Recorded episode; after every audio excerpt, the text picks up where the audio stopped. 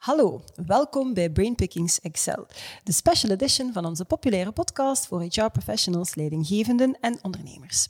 Mijn naam is Leslie, founder van Zigzag HR en iedere maand zoomen we met Zigzag HR in op een centraal thema. En deze maand is dat thema digitalisering en HR tech. En voor die gelegenheid hebben we ons vertrouwde printmagazine helemaal omgevormd tot een videomagazine. Integraal, digitaal, het topic dicteert de vorm, zeg maar. Gedurende een ganse maand en dat elke dag kruip ik daarvoor in het hoofd van mijn centrale gasten. Dat zijn HR-professionals, HR-experten, challengers, thought leaders. Allemaal om daar ideeën, inspiratie, best and practices te stelen waar jij mee aan de slag kan in jouw organisatie of in jouw HR-team.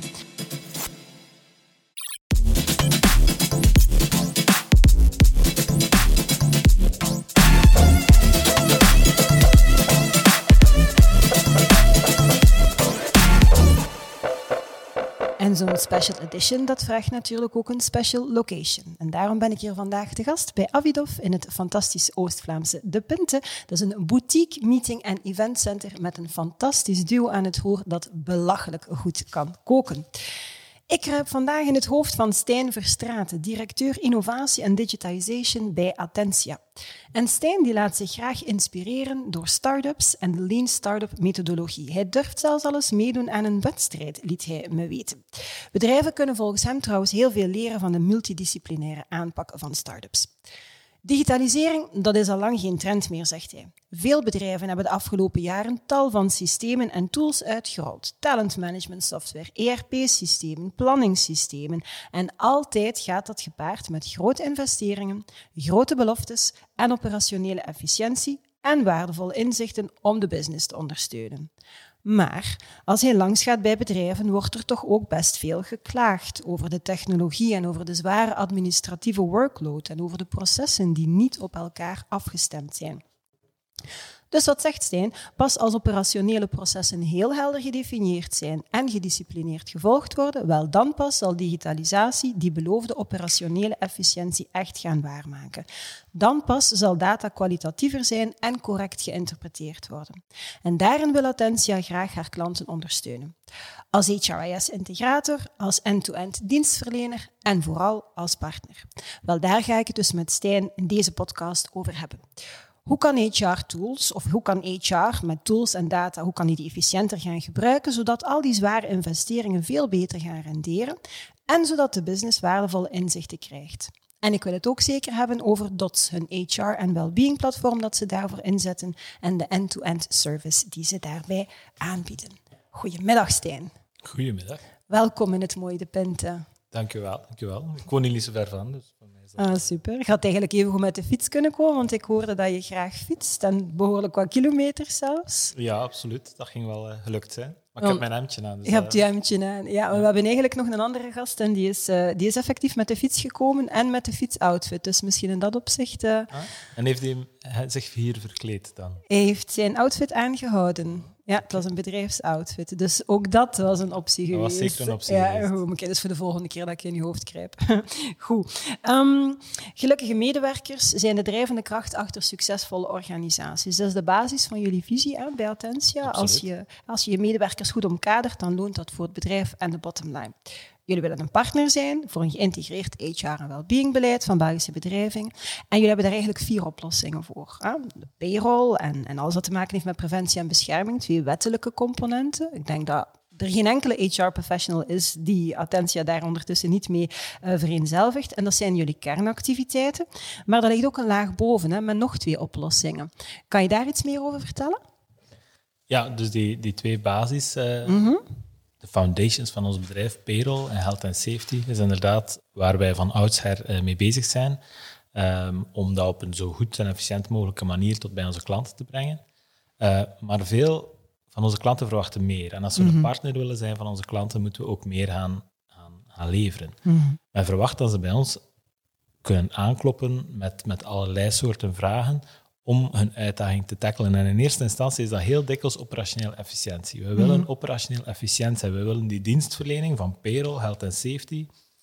Bottom line moet dat met minder FTE's, dat moet kwalitatief zijn, we moeten daarop kunnen vertrouwen, dat moet mhm. betrouwbaar zijn, maar het moet met minder FTE's. En wij zijn daar een, ehm, een belangrijke partij, een sociaal secretariaat als preventiedienst. Uiteraard moeten wij daar onze, onze waarden delen, maar wij zijn niet alleen op de wereld. Ehm, bedrijven hebben ook heel wat andere software in huis, hebben ook heel wat andere processen en dienstverlening in huis. En dat moet op elkaar aansluiten. En het is dikwijls in die aansluitingen dat de operationele efficiëntie zoek geraakt. Het ene systeem ten opzichte van het andere. Uh, de data stroomt niet goed door, de processen zijn niet goed op elkaar afgestemd. De teams, de rollen en de verantwoordelijkheden zijn niet altijd heel duidelijk.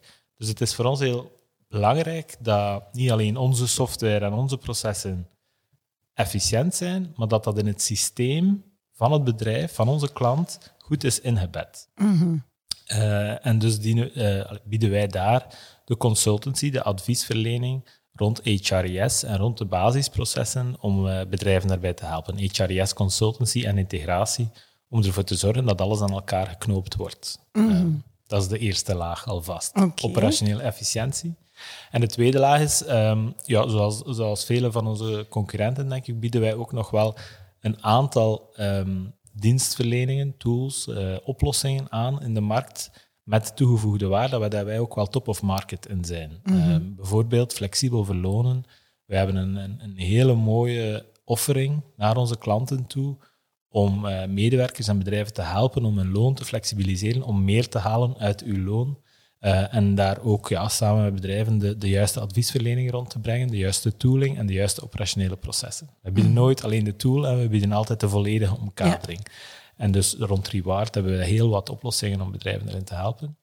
Maar ook rond well-being hebben we heel wat oplossingen. Mhm. Oplossingen die bijvoorbeeld uh, de stress en het engagement van uw medewerkers in kaart gaat gaan brengen, uh, met het oogpunt om, om absenteïsme en retentie te verbeteren. Mm uh, dus daar hebben we echt wel een aantal toegevoegde waarde dingen die de bottom line en het geluk van die medewerkers echt kan gaan verbeteren. Het is altijd de twee. We proberen de medewerkers gelukkiger te maken. We zijn er echt van overtuigd als we dat doen, dat we de bottom line van onze bedrijven kunnen verbeteren. Ja, ja, ja. ja.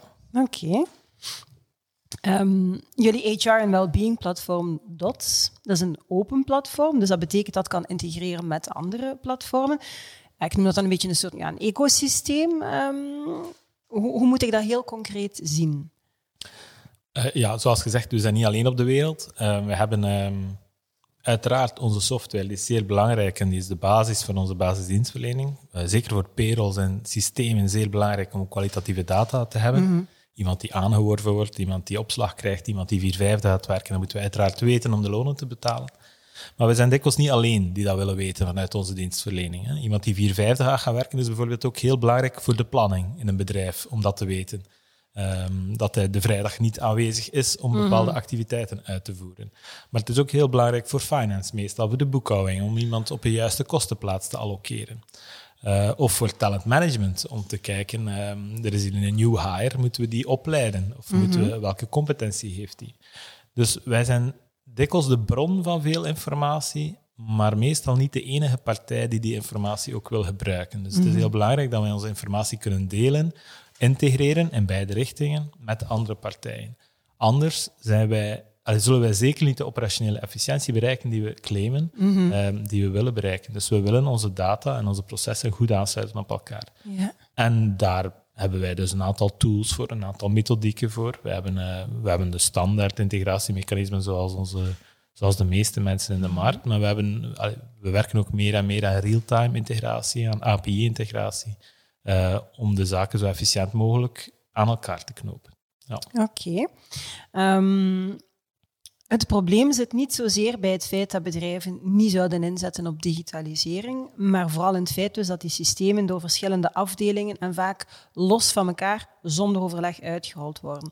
Is dat dan het, echt het grootste probleem dat er zo sterk in silo's gewerkt, in silo's gewerkt wordt? Of is het eerder of vooral ook een gebrek aan, aan kennis, aan, aan opleiding, aan, aan durf? Waar knelt dat schoentje nu eigenlijk het meeste?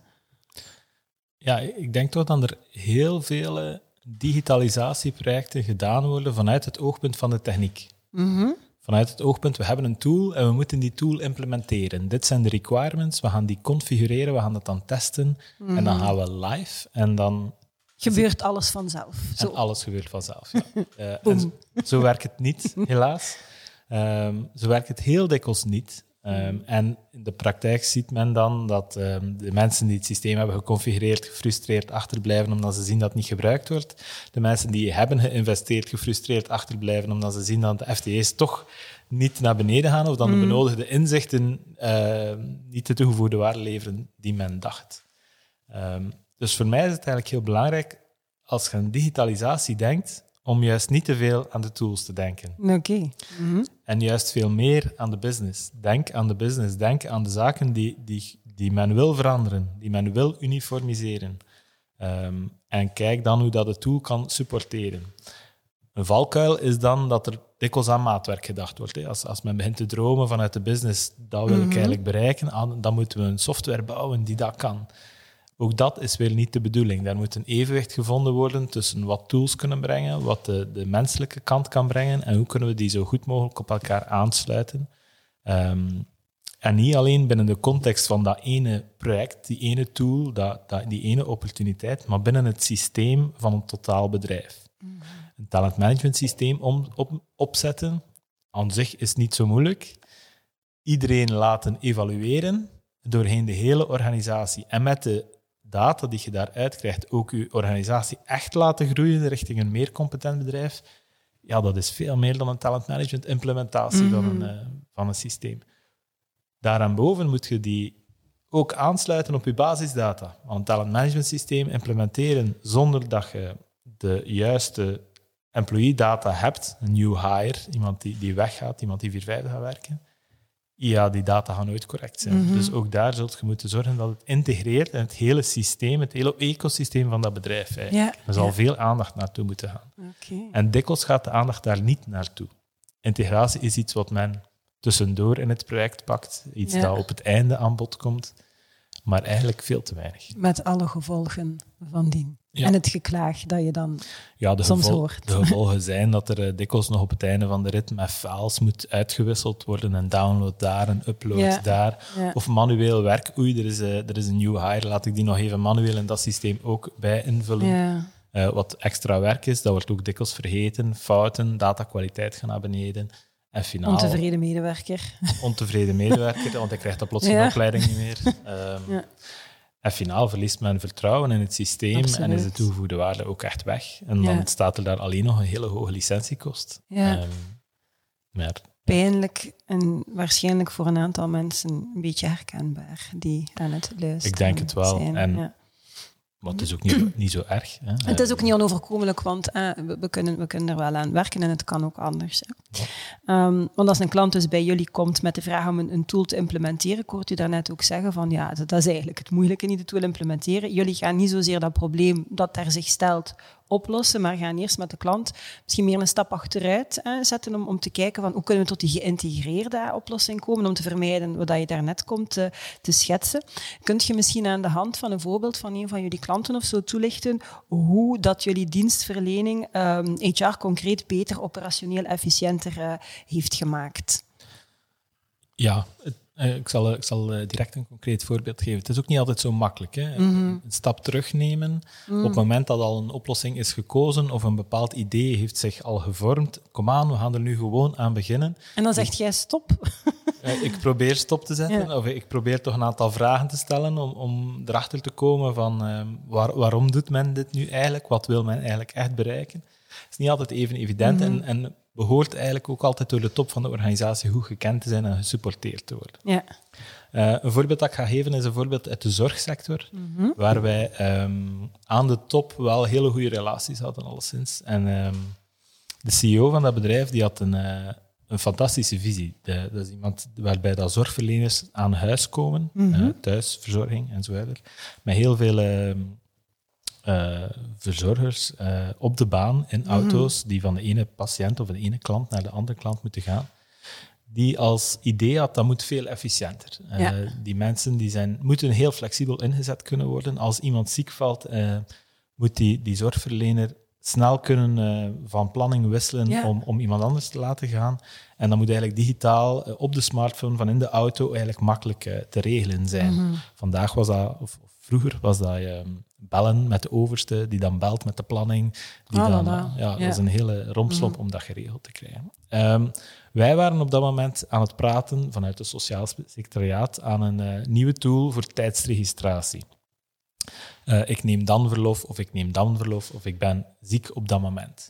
Dat op zichzelf was eh, een uitdaging voor ons, maar zeker niet het moeilijkste project dat wij al gedaan hebben. Zo konden we er nog wel een aantal doen. We hebben al heel veel tijdsregistraties geïmplementeerd. Ehm, dat is eigenlijk niet de complexiteit. Maar de complexiteit was op dat moment om dat te integreren in één geheel, om die droom van die CEO waar te maken. Ja. Namelijk dat die zorgverlener in de wagen naar zijn gsm kan kijken en zien waar is mijn volgende patiënt. Ja. En de planning eigenlijk in real time te kunnen faciliteren. Dus wij hebben daar ehm, gepartnerd met de IT-afdeling van, van onze klant, maar ook met de leverancier van de planningssoftware, om ehm, ervoor te zorgen dat dat eigenlijk één geïntegreerd systeem werd. Dus, eh, en wat, wat is er dan gerealiseerd? Ehm, dat is een, een integratie tussen die twee op basis van real-time API-integratie, waarbij dat als bijvoorbeeld iemand ziek valt, eh, in onze software kan via de telefoon makkelijk ehm, ingeven, ik ben ziek, eh, van dan tot dan. Het ziektebriefje bij de dokter wordt direct ingescand. Direct wordt de manager op de hoogte gesteld, maar ook de planner wordt direct op de hoogte gesteld. Dus er vertrekt eigenlijk een automatisch bericht naar de planner, of naar de planning, niet naar de persoon planner, maar naar de planningssoftware, die oppikt van oei, er zit een gat in de planning, er zijn een aantal patiënten die niet verzorgd zullen worden, we moeten dit dringend oplossen. Ja. Op, dat, op dat moment kan er iemand anders ter vervanging worden ingeschakeld. We weten ook wie dat op dat moment beschikbaar is, want ook uit onze software blijkt wanneer dat iemand wel of niet aan het werken is.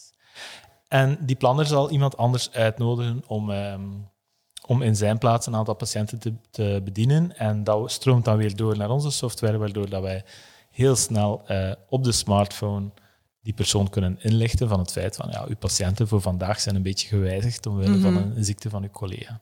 Oké. En zo hebben we heel die rompslomp van, van, van planning, die heel eh, menselijke keten aan interactie tussen medewerker, manager, planner en terug, eigenlijk volledig gedigitaliseerd. Ja. En kan En de manager... stress weggenomen. Ja. ook kan ik me inbeelden. Ja. Absoluut. En, en nu zal de manager veel meer tijd hebben en de planner veel meer tijd hebben om, als er nog geïntrageerd moet worden op een menselijke manier, om dat veel kwalitatiever te Ja. doen over de zaken die er echt te doen.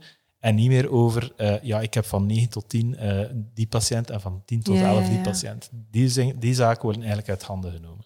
Oké, knap hoor. Ehm, als ik dat dan samenvat, de combinatie HR en well-being, die een geïntegreerde aanpak die ik een paar keer heb gehoord, brede expertise die in-house aanwezig is en dat eigen platform, dat is wel ergens uniek op de markt in België. Dan, Eh, ja, ik hoop het alvast. Ehm, we zijn zeker uniek in eh, onze combinatie van HR Mhm. en well-being. Hè, tussen een sociaal secretariaat en een preventiedienst, een, een, een geïntegreerd platform. Ehm, we zijn niet het eerste eh, platform op een, eh, binnen de HR-sfeer die claimt open te zijn. Mhm.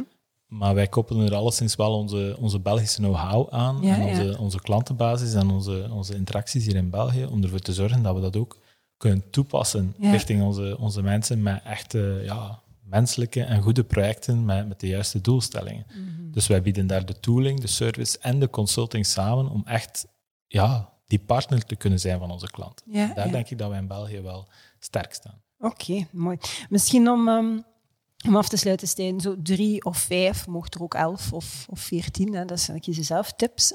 Ehm, wat, zijn jouw, wat zijn jouw ultieme tips die je graag aan HR-professionals wil meegeven als het gaat over digitaliseren van processen? Ik ga er misschien nog meteen een, eh, een vraag aan toevoegen. Wat is de eerste stap die ze bij meneer Van Spreken morgen daarvoor best kunnen zetten? Ehm, start with the end in mind. Mhm. Eh, denk waar dat je naartoe wil gaan. Eh, dat, mag, dat mag een droom zijn, dat mag van mij betreft binnen tien jaar zijn.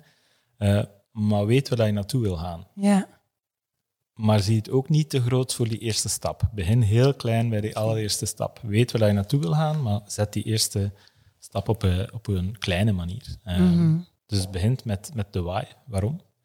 Denk aan het systeem, en dan bedoel ik niet de software, maar ik bedoel het systeem van u als organisatie. Wat is de, de value stream van uw organisatie in zijn totaliteit?